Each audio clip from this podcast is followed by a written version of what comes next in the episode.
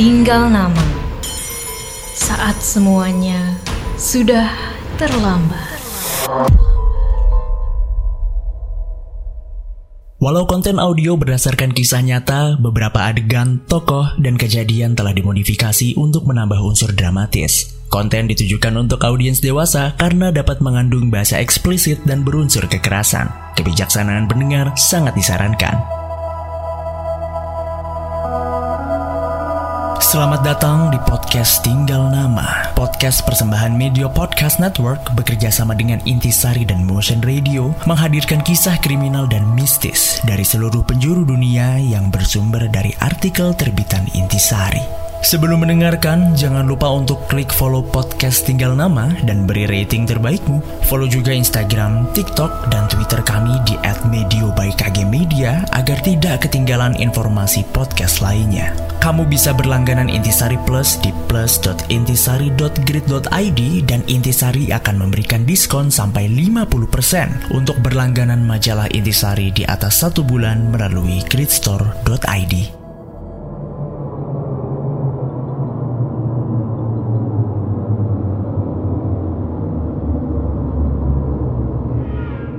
Kisah kali ini menceritakan penemuan mayat dan kasus pembunuhan di acara pernikahan rumah berhantu. Dokter Sam Hatton membuka pintu dan segera mengenali orang yang memencet bel. Padahal mereka tidak bertemu selama 50 tahun. Hei, ya, masuk, masuk. Wah, sudah lama ya kita tidak bertemu sejak di Northmount itu. Tidak, tidak, Anda tidak mengganggu. Saya hanya sedang menunggu seorang kawan yang sering mampir kemari untuk mendengarkan kisah-kisah lama. Anehnya, hari ini saya akan bercerita tentang Anda dan kejadian pada hari perkawinan Sheriff Lance itu. Beginilah cerita Dr. Sam Hatton.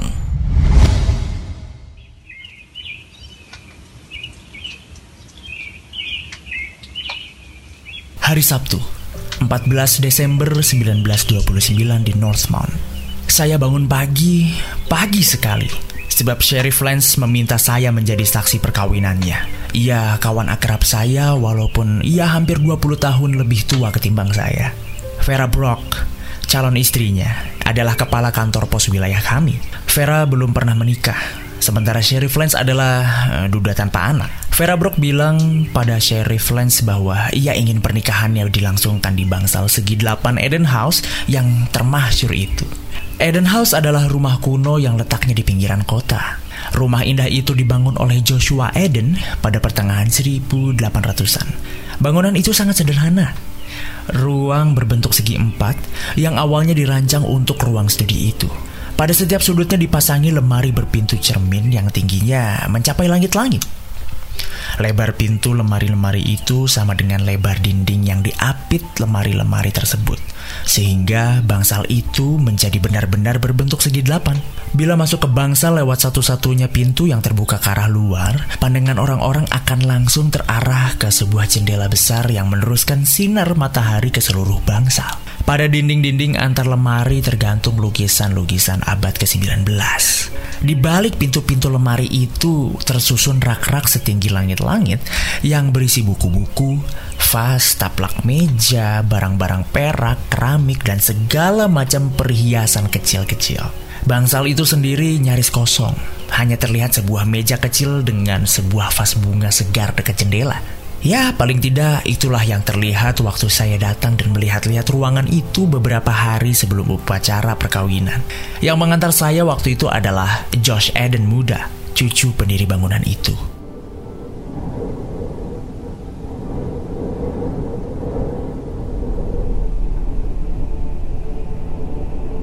Sebelum kami meninggalkan ruangan, saya perhatikan dia memeriksa grendel jendela apakah sudah terkancing. Pintu bangsal itu memiliki sebuah kunci dan grendel di bagian dalamnya. Pintu tidak bisa digrendel dari luar, hanya bisa dikunci dengan kunci panjang itu.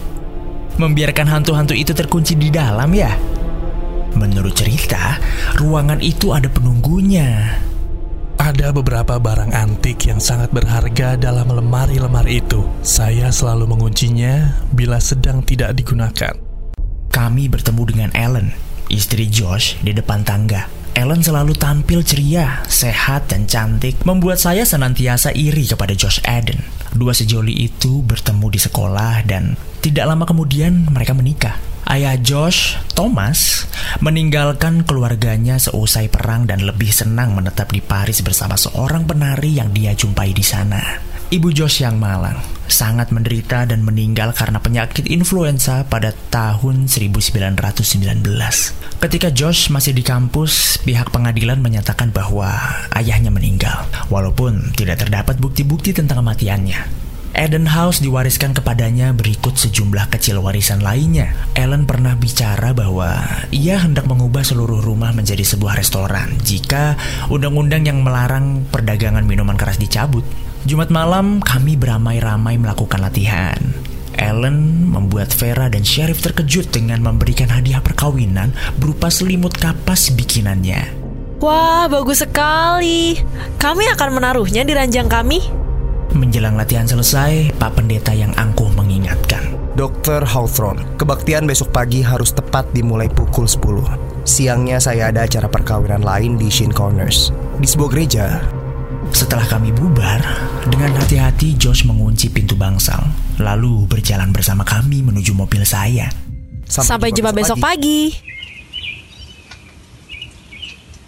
Esok harinya saya bangun pagi-pagi sekali karena saya berjanji menjemput April, perawat yang membantu saya untuk bersama-sama berangkat ke perkawinan itu dengan mobil saya.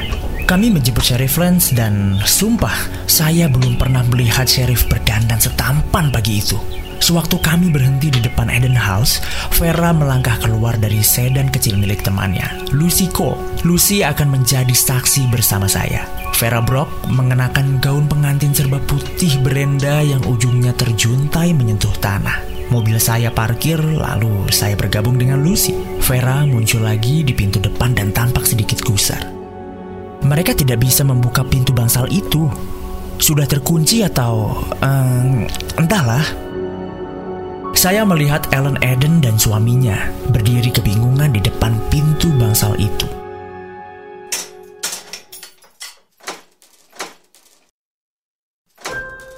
Pintu tidak bisa dibuka. Belum pernah begini sebelumnya. Dengan kunci yang saya minta dari Josh, saya mencoba membukanya. Meski kunci bisa diputar dan bekerja dengan baik, toh pintu masih belum bisa dibuka. Di dalam ada grendelnya bukan? Iya, tetapi grendel itu hanya bisa digunakan dari dalam.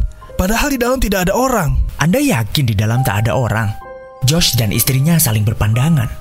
Akan saya intip dari belakang lewat jendela. Pada saat itu Dr. Tompkins berjalan masuk sambil melirik arloji saku yang dipegangnya. saya harap kita tetap sesuai dengan jadwal. Anda tahu, saya ada acara siang ini di Hanya terlambat sebentar, pintu rupanya macet. Ellen kembali dengan napas memburu. Tirainya, tirainya tertutup, Josh. Kau tidak meninggalkannya dalam keadaan tertutup, bukan? Tentu tidak. Pasti ada orang di dalam. Namun bagaimana dia bisa masuk? Saya tahu Anda mengunci pintu dan menggrendel jendela itu kemarin. Jendela pun masih terkunci. Wajah Pak Pendeta mulai kecut. Lalu katanya kepada Josh, Kalau perlu, dobrak saja pintunya. Hei, buka pintunya. Kami tahu ada orang di dalam. namun jawabnya hanya kesunyian dari balik pintu. Jangan-jangan perampok. Dia sedang terpojok dan takut keluar. Kita bisa mendobrak lalu masuk lewat jendela. Jangan, kecuali kalau terpaksa. Kami tidak bisa memperbaiki jendela itu sebelum hari Senin. Apalagi sekarang bulan Desember. Angin ribut yang datang mendadak dan memporak-porandakan ruangan ini. Coba lihat, bukankah kita bisa menarik pegangan pintu ini? Grendel di balik pintu ini tidak terlalu kuat. Dengan tali yang kami ikatkan pada gagang pintu, saya bersama Josh dan Sheriff menariknya sekuat tenaga. Iya.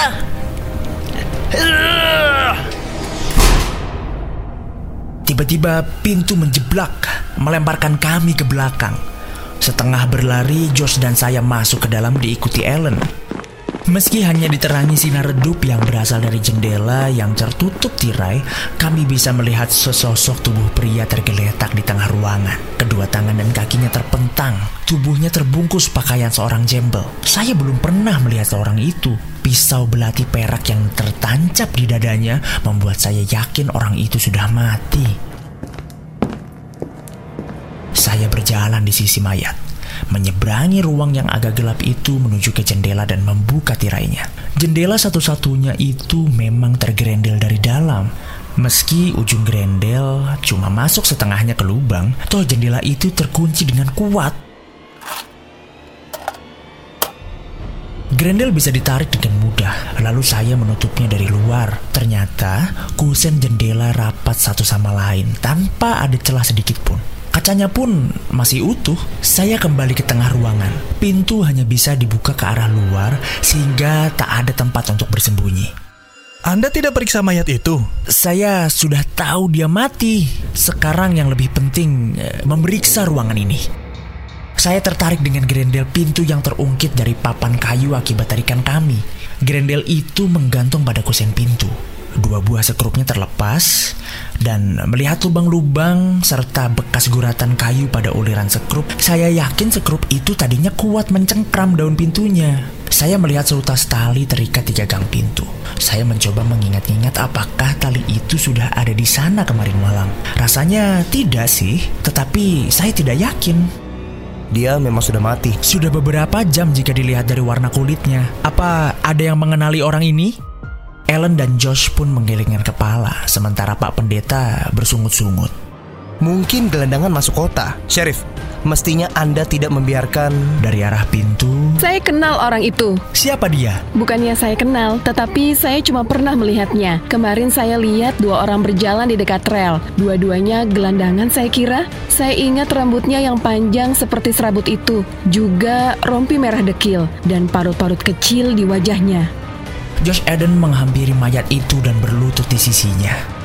Pisau ini seperti alat pembuka surat dari salah satu lemari kami. Ellen, tolong lihat. Apakah alat itu masih ada? Ellen melangkah hati-hati melewati mayat, lantas membuka pintu lemari di sebelah kiri jendela. Setelah meraba-raba sebentar ke dalamnya, ia berkata, Tidak ada, mungkin ada barang lain yang juga hilang. Saya tidak yakin. Sebaiknya kita cek keempat lemari di ruangan ini. Untuk apa? Ya, kalau si pembunuh tidak bersembunyi di dalam salah satu rak lemari besar ini, tampaknya kita berhadapan dengan suatu pembunuhan yang dilakukan di dalam ruangan yang terkunci dan tidak bisa ditembus. Kami teliti keempat lemari dengan cermat, tetapi tidak menemukan seorang pun bersembunyi di sana. Saya juga meriksa apakah ada lemari yang punggungnya palsu. Setelah kami selesai memeriksa, saya pun merasa yakin si pembunuh tidak bersembunyi di dalam ruangan. Bangsal itu tidak juga memiliki jalan atau pintu rahasia untuk keluar. Hanya ada satu pintu dan satu jendela yang masing-masing bisa digrendel dari dalam. Saya pun sudah mempelajari grendel pada jendela. Saya jongkok dekat pintu memeriksa seutas tali yang saya temukan melilit gagang pintu. Apa tali di sini? Ellen menatap tali itu. Tidak, itu bukan milik kami. Entahlah kalau Josh mengikatkannya di sana untuk suatu keperluan. Namun Josh tidak melakukannya.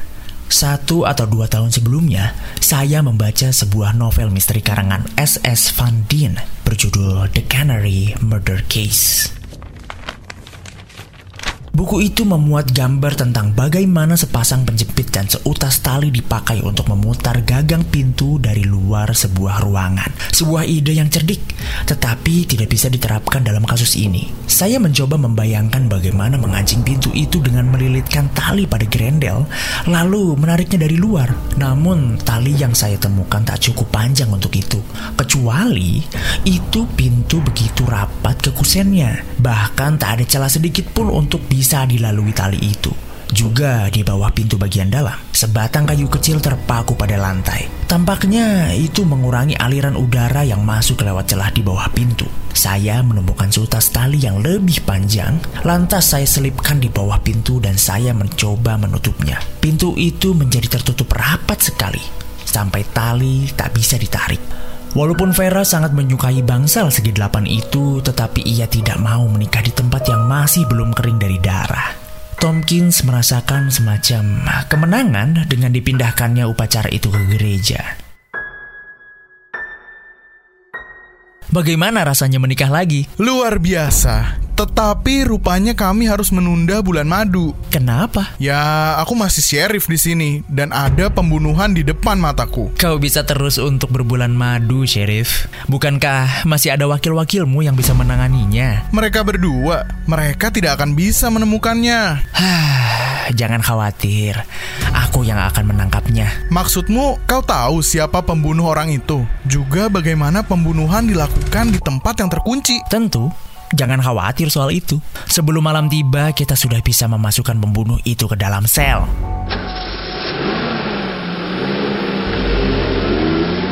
Namun di dalam hati saya berpikir bagaimana saya akan memenuhi janji itu.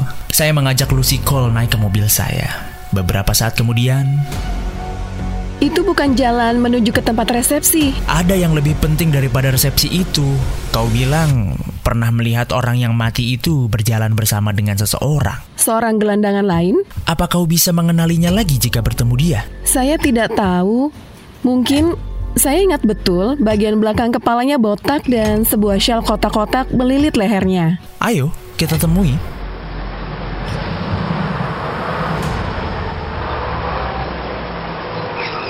Mobil saya bawa menyusuri jalan di sisi stasiun kereta api. Keluar kota menuju ke perkampungan Jembel yang berada di antara pepohonan. Tunggu di sini, saya tidak lama. Saya menyusuri jalan setapak sambil berjalan secara terang-terangan di antara pepohonan agar orang-orang yang ada di sekitar api unggun itu tidak panik dan bubar. Salah seorang dari mereka yang sedang menghangatkan tangannya dan dekat nyala api berpaling ketika saya dekati. Mau apa? Saya dokter. Di sini tak ada yang sakit. Saya sedang mencari seorang laki-laki yang lewat jalan ini kemarin. Dia memakai shawl kotak-kotak dan kepalanya botak, tidak memakai topi. Tak ada orang dengan ciri-ciri begitu. Mau apa? Dia tidak sakit, bukan? Kami tidak tahu dia sakit atau tidak. Itu sebabnya kami mencoba mencarinya. Seorang lagi datang mendekat ke perapian. Perawakannya kecil dan bicaranya gugup dengan aksen selatan. Jangan lewatkan episode Tinggal Nama selanjutnya. Saat semuanya sudah terlambat, yang tersisa hanyalah tinggal nama.